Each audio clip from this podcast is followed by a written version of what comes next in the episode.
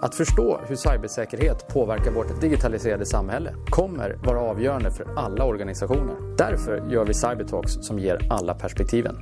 Jag heter Rolf Rosenvinge. Välkommen! I veckans avsnitt av Cybertalks träffar Rolf Daniel Reinholdsson, CISO på Tullverket. I samtalet hör vi hur Daniel och hans team på ganska kort tid med ett tydligt mandat utvecklat säkerhetsarbetet med hjälp av ett holistiskt synsätt på säkerhet. Hej och välkomna till dagens avsnitt av Cybertalks. Eh, idag har vi med oss Daniel Reinholdsson, eh, CISO på Tullverket. Välkommen! Tack för det, vad roligt att få vara här.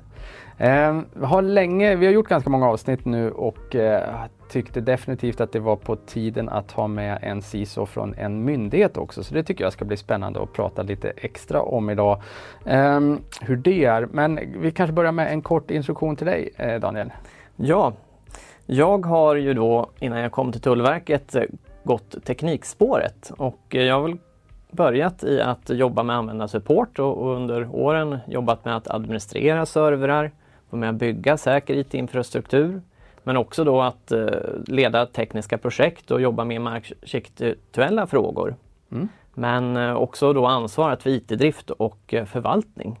Just det. Och vad var det som fick dig sen intresserad av, av själva säkerhetsbiten i det här? Jag tror att säkerhetsintresset har funnits under hela vägen och jag har haft bra arbetsgivare som haft ett högt säkerhetsintresse så jag har nog stått med benen i både informations och IT-säkerhetsarbetet omedvetet under många år. Och med åren så har det här vuxit och blivit otroligt intressant och spännande och framförallt viktigt.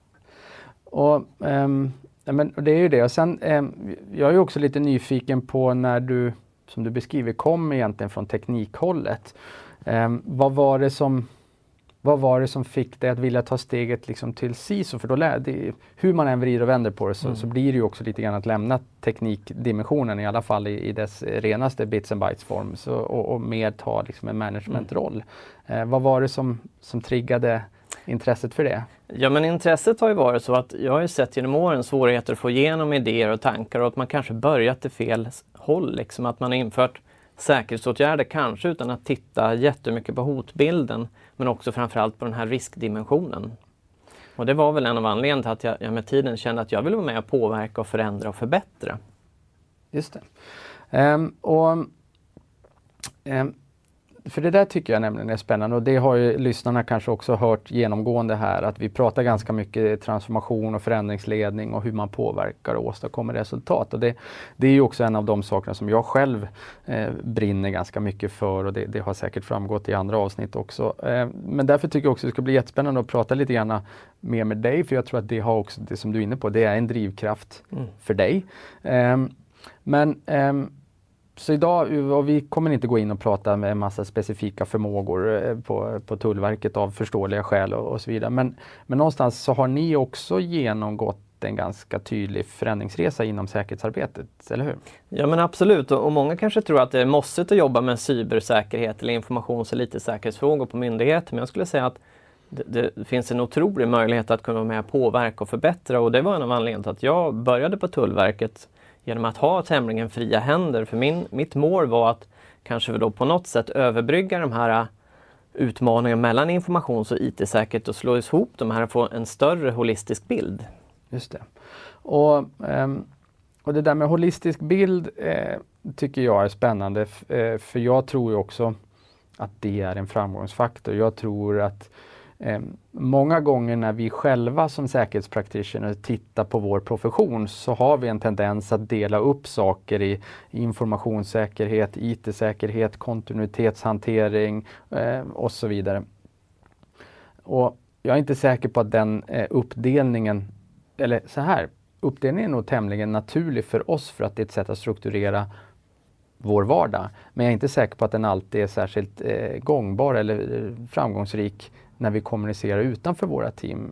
Delar du den bilden? Ja men absolut och jag tror däremot att det är viktigt att prata om förmågor. Framförallt den kanske att dela in det då i vattentäta skott informations och IT-säkerhet. För på något sätt så ska de ju här stärka varandra och jag ser det som att till exempel IT-säkerhet är en del i informationssäkerhetsparaplyet. Men jag tror för att nå fram med de här komplexa frågorna så är det otroligt viktigt att titta på just de här olika förmågorna. Där har vi ramverket från NIST till exempel som gör det här tämligen enkelt ur ett managementsynpunkt att, att skära den här elefanten. Och det tror jag är en framgångsfaktor för att kunna nå fram till beslutsfattarna.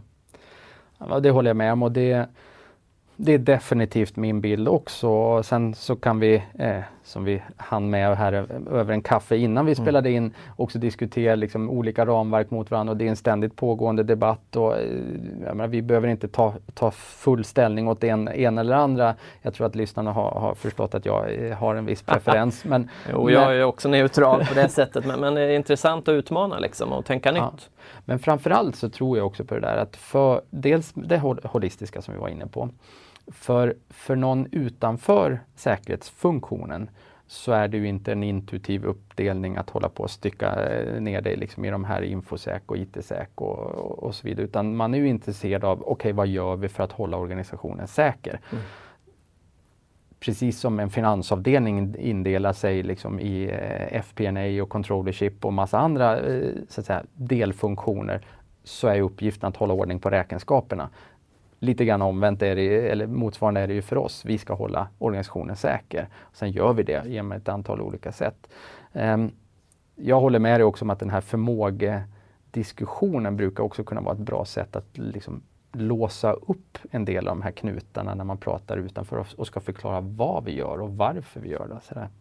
Men, men tillbaks lite grann till kan du på ett så att säga, schematiskt sätt också berätta lite om den förändringsresa som ni har gjort? För jag tycker att den är, den är också spännande eh, eh, att höra. Ja, absolut, och en av de här roligare utmaningarna på det här att kunna transformera då och försöka öka förmågan var ju just det att slå bort de här då tämligen vattentäta skotten mellan då informationssäkerhetsarbetet och IT-säkerhetsarbetet och kanske också då koordinera då de här aktiviteterna som pågår inom respektive områden mot en strategisk plan och nå de strategiska målen.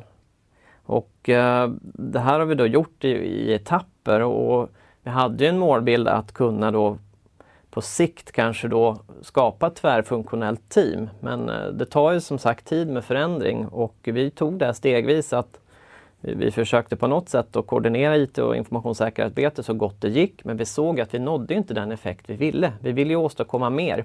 Vi ville ju faktiskt också leka med det ordet force multipliers, det vill säga att när 1 plus 1 blir 3, för att åstadkomma den största effekten med de resurser vi hade till förfogande. Och eh, vi såg rätt så snart att eh, det här är ju inte helt utan utmaningar. För det är som du var inne på tidigare, att det är klart att det finns olika delar i det här som kanske är väldigt IT-infosec-tungt när det gäller då informationsklassning och juridik och de bitarna. Men om IT-säkerhet så går man ner på bits and bytes och alla är inte intresserade av det. Men eh, nu har vi kört där några år och vi ser att eh, vi har ju utvecklat gruppens totala kunskapsnivå väldigt mycket. Och på något sätt har vi också fått en, en respekt och förståelse för de andras liksom gebit i det här. Och på så sätt kunna fånga upp frågor som vi inte har adresserat korrekt eller undvika, ja, jag vet inte, ni som jobbar i branschen har kanske med att det varit ett visst blame game mellan informations och IT-säkerhet och kanske även övriga verksamheten, att man aldrig förstår eller någonting sånt där.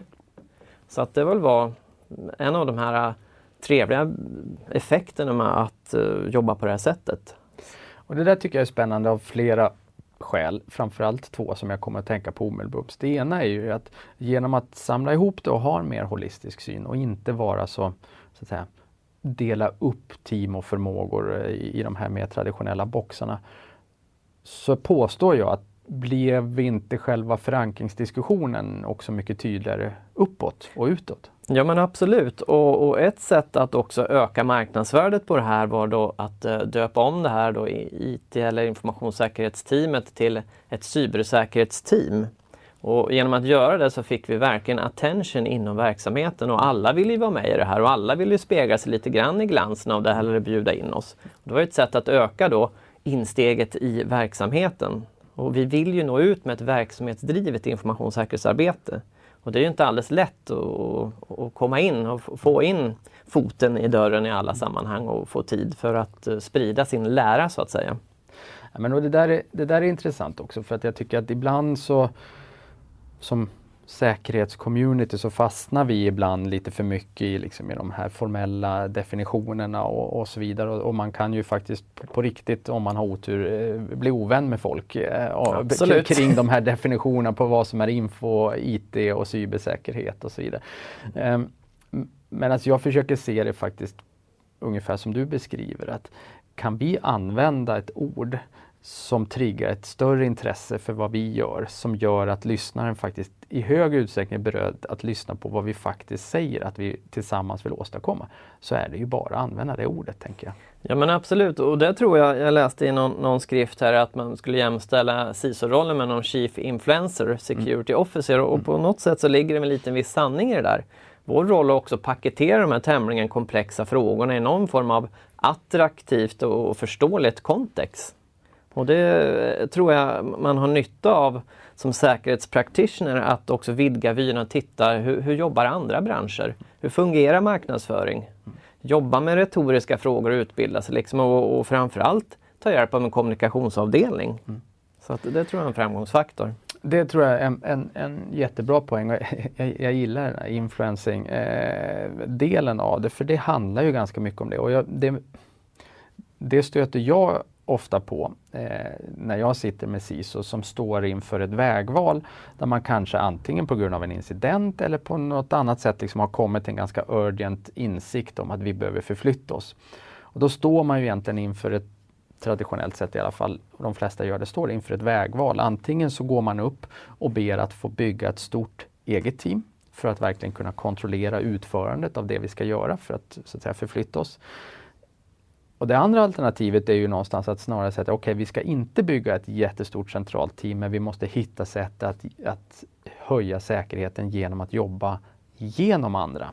Mm. Och, och många av dem som, som jag stöter på, i alla fall den senaste tiden, som har valt den senare, det vill säga att vi ska hitta sätt att jobba genom andra. Då blir ju helt plötsligt de här skillseten väldigt viktig, att kunna förklara kontexten, rationalen, sättet det, och outcomes. Eh, och få andra att vilja blir ju helt plötsligt mycket viktigare. Ja men det är det och, och, och, en av våra uppgifter är att verka genom andra. Och där tror vi mycket också när vi ser på hur vi ska få ut och öka vår förmåga att jobba på ett distribuerat sätt. För jag skulle vilja påstå att ett sätt att få till det här verksamhetsdrivna arbetssättet är ju då att lägga ut och utbilda personal i verksamheten, kanske då driva de här frågorna, att vara informationsägarens högra hand, både liksom informationssäkerhetsfrågor men även dataskyddsfrågor, för de tycker jag hör ihop väldigt, väldigt mycket. Och, och det är samma sak när man då ska bygga säker IT-infrastruktur och, och klientplattformar och applikationer. Lägg ut det på dem som är experter. Många gånger skulle jag påstå att de är mycket, mycket bättre än oss på de här eh, tekniska delarna som rör deras plattformar.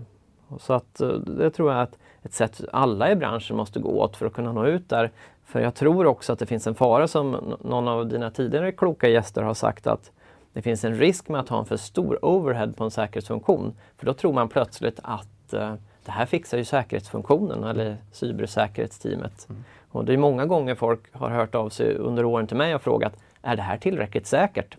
Ja, vad svarar man på det? Hur långt är ett snöre? Det beror ju på. Mm.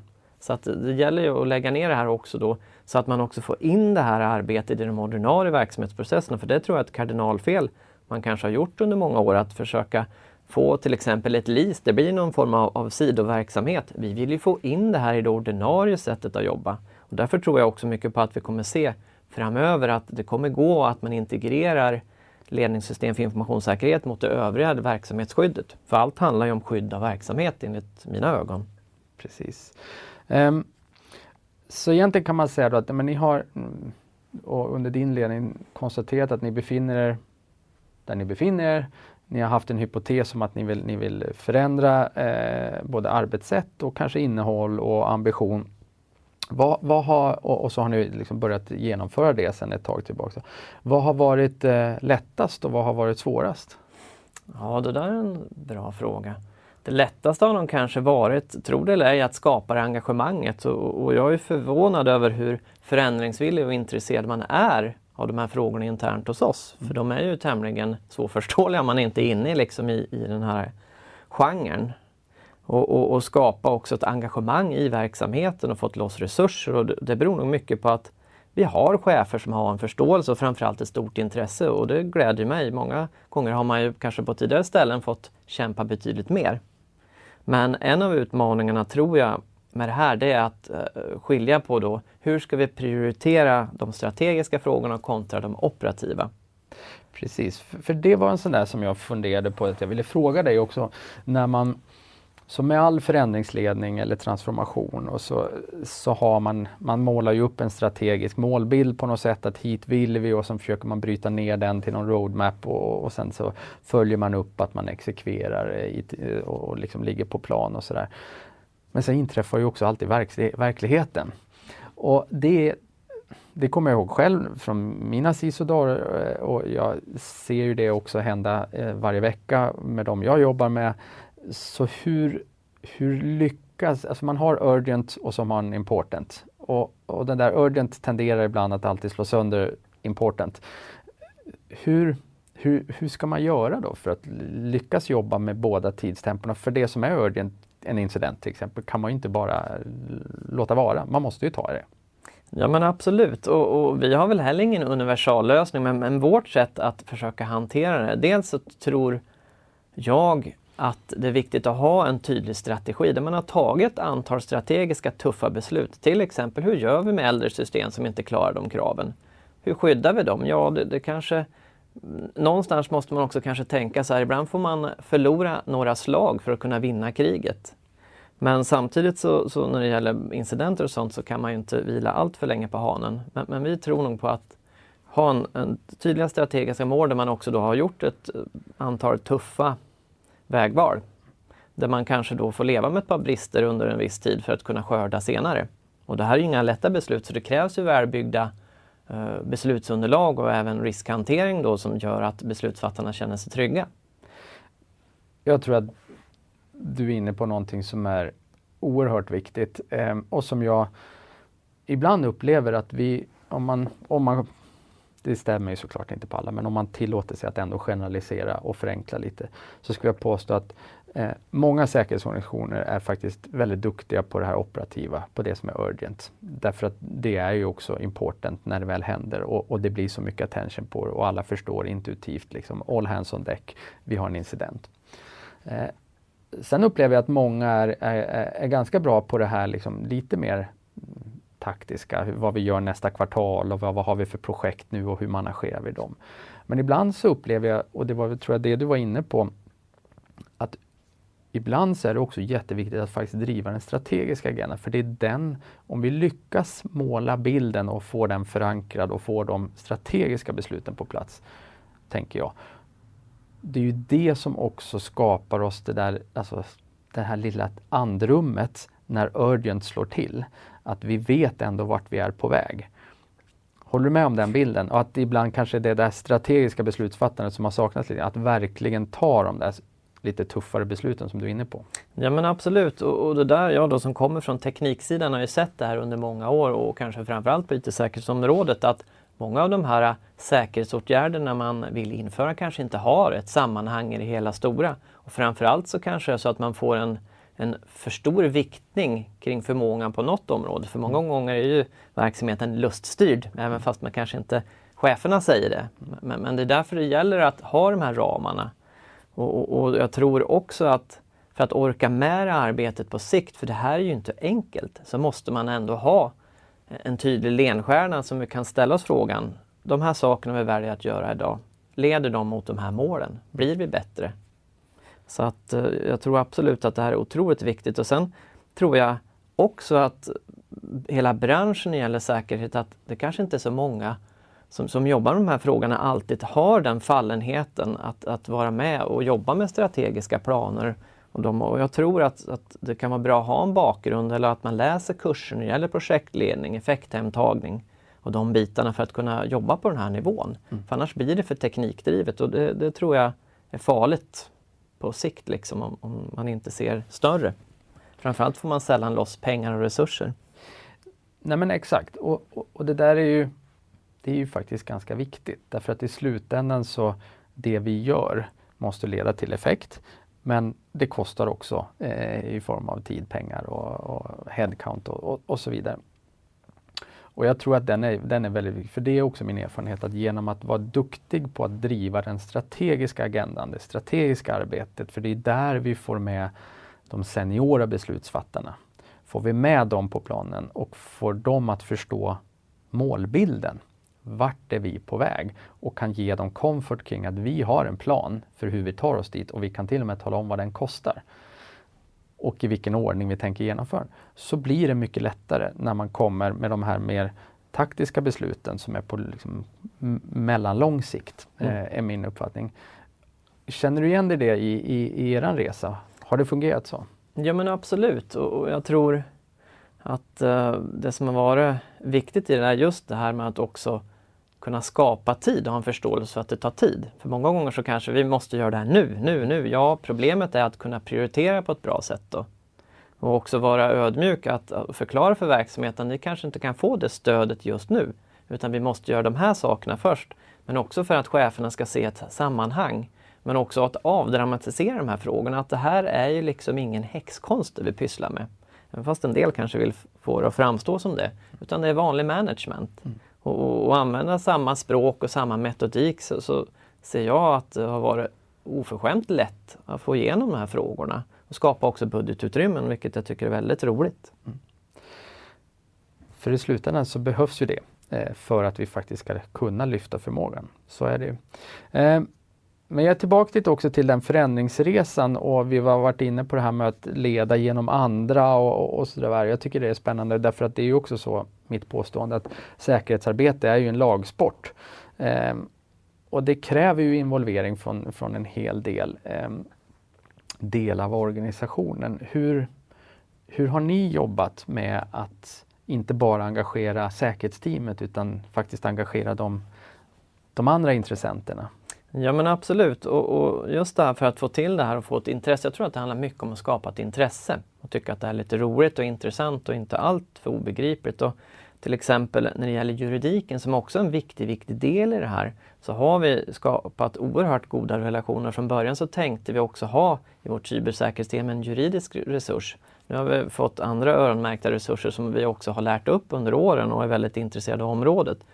Och, sen har vi också jobbat mycket med IT-driften för att det tror jag är en viktig, viktig del i det här att på något sätt de som har örat mot rälsen, de ser vad som händer och, och jag skulle också vilja sticka ut hakan och säga att många av de som jobbar till exempel med IT-drift kanske har mer koll på säkerhetsproblemen än man gör vissa pentester. Jag, jag var mottagare av otaliga pentester och många gånger så har ju många redan identifierat de här weak spotsen.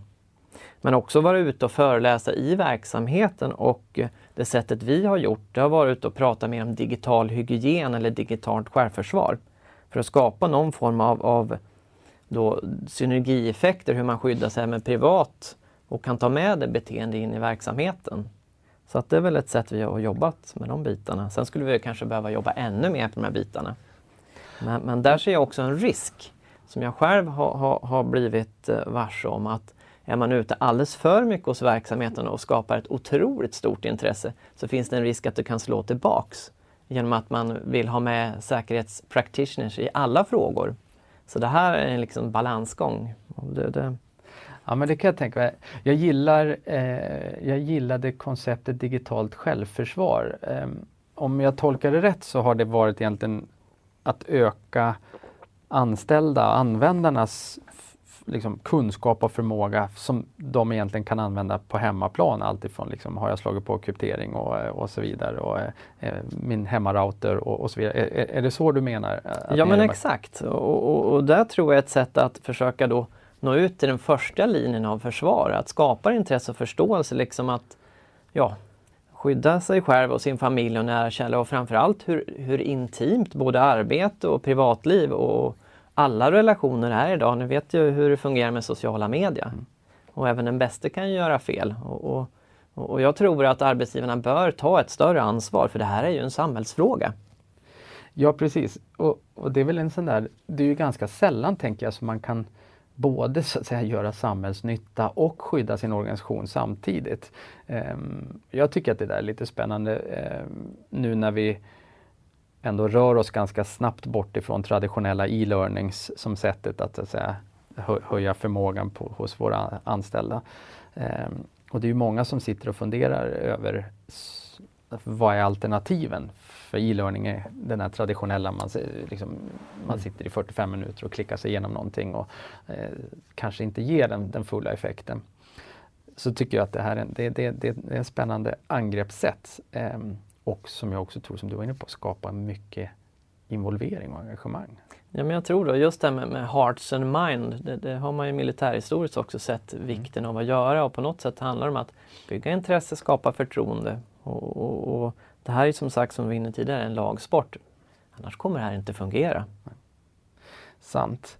Um, jag har kanske någon fråga till på själva den här transformationsbiten också, för jag, jag kommer tillbaks till den. eh, också för att jag tror att det är ett så centralt i vad vi har framför oss, alla vi som jobbar i den här branschen, att eh, vår omvärld förändras så pass fort och eh, vi har haft avsnitt om linagil transformation och, och, så vidare. Att, och det är ju min, min tes att sättet som vi gör säkerhet på kommer att behöva utvecklas och transformeras också för att vi ska hänga med och fortsätta att vara relevanta.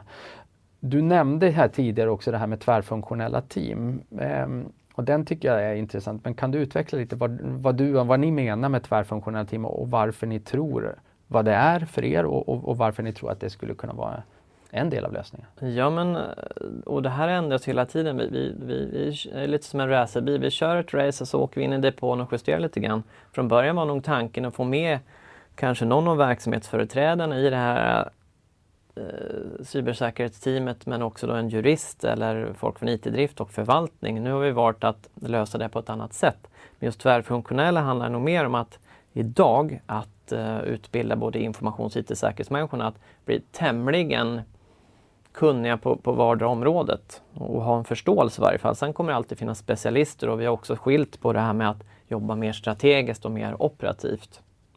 Men eh, vi får väl se vad, vad, som händer i nästa sväng här. Jag tror ju att det här med juridiken skulle behöva integreras ännu mer mm. på något sätt. För det, det, kommer i alla frågor, framförallt inom myndighetsvärlden. Vi ser ju mer och mer regleringar också. Exakt. Och, och någonstans, jag, jag håller med dig och det, det är en intressant spaning tycker jag.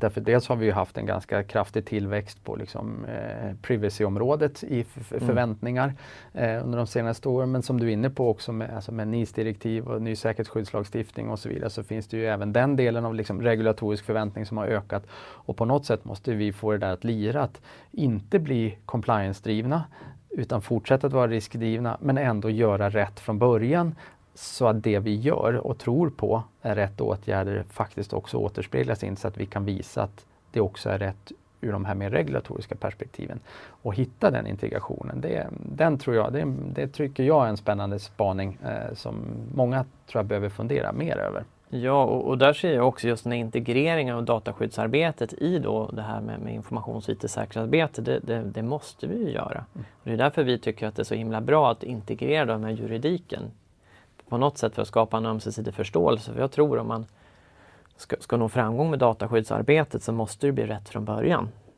Yes. Och då är vi egentligen tillbaks till där vi började, där som du i, så att säga, i din programförklaring här i början av avsnittet som pratade om att jobba holistiskt och det är väl precis det som är nyckeln.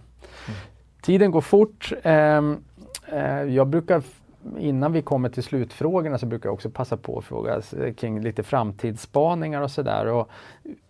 Från ditt perspektiv, då, var sker den de mest spännande utvecklingen just nu inom säkerhetsområdet? Eh, förutom det vi har pratat om. Vi har pratat om det här med integration, mer holistiskt tänkande, eh, få in juridiken, jobba strategiskt och eh, taktiskt och operativt. Eh, finns det andra spännande framtidsspaningar? Ja, det finns säkert människor som kan svara bättre på den frågan men, men det jag ser det är att jag tror att eh, det här med att eh, träna sin besättning kommer att bli allt viktigare, att öva i cyber rangers. Och jag har haft förmånen att göra det några gånger och det var väldigt utvecklande för mig och för de som har gjort det här. För, för som sagt, policies och dokumentation är jag nära men, men på något sätt så handlar det om hur väl implementerade de sakerna är och framförallt då att man har testat sin förmåga. Det tror jag. Och sen tror jag också att det, det kommer vara ett fortsatt intresse på att, att upptäcka och kunna respondera och framförallt att återställa. För på något sätt så tror jag att vi har nått en nivå när det gäller då att bygga en skyddsnivå. Det, det är svårt just nu med den teknik som finns idag att, att ha en användbar liksom, miljö att jobba i men, men också skydda den. Så jag tror att det kommer bli av yttersta vikt framöver också. Ja, det där är en bra spaning och jag håller helt med att, att jag tror ibland måste vi helt enkelt på riktigt anamma att skyddet bygger vi i lager och vi måste ha ett djupförsvar.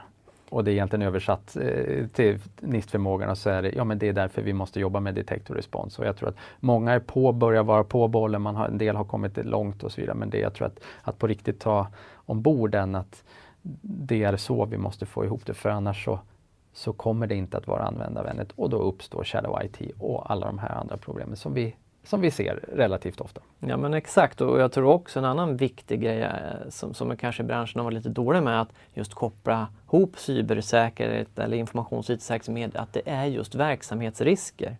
Och, och det tror jag är också en sån här framtidsspaning att, att även inom myndighetssfären kunna göra de kopplingarna kanske på ett bättre sätt. Just det. Ehm, tiden går som sagt fort. Ehm, vi är framme vid slutpunkten. Vi brukar alltid ställa en sista fråga till, till gästen och att komma med ett tips om en bok, en film eller för den delen en podd eller någonting annat som har antingen inspirerat eller informerat. Och jag är såklart nyfiken på vad, vad du har med dig. Ja, absolut. Jag har ju en förkärlek för att vidga mina vyer och kanske inte snöa in för mycket på säkerhetslitteratur utan jag, jag har en förkärlek för att läsa biografier och mycket managementlitteratur, de bitarna. Men en eh, film jag tycker är bra det är Jag AB med Kjell Enhager som handlar mer om coaching och förhållningssätt. Men sen tycker jag också att vi ska lyfta fram till exempel Per Oskarsson och Fia Evalds böcker kring informationssäkerhet som är otroligt bra tycker jag. Och framförallt när det gäller Fias spaningar där att titta mer i, i någon form av informationsstyrningsperspektiv. Det tror jag är en sån här framgångsfaktor för att kunna orka med och kunna göra en bra utväxling av det här arbetet. Spännande eh, och eh, bra spaning att både få så att säga den ledardimensionen adresserad och sen kanske också mer facklitteraturen. Eh, och det är väl det som är precis tricket att tillsammans eh, få ihop det där. Det är det vi brottas med. Eh, Daniel, det har varit superhärligt att ha dig med här idag. Jätteroligt att få höra om, om er resa och också din syn på, på hur vi ska göra säkerhet. Så att Daniel Reinholdsson, CISO på Tullverket, tack för att du ville vara med. Stort tack att du fick vara med och du fyller en viktig roll i det här att lyfta upp de här frågorna mer på managementnivå, för det har jag verkligen saknat tackar vi för. Eh, och eh, med det så tror jag att vi avrundar för idag och till alla lyssnare, until next time. Podden är ett samarbete mellan Cyber Insights och Orange Cyber Defense och spelas in och klipps på Media.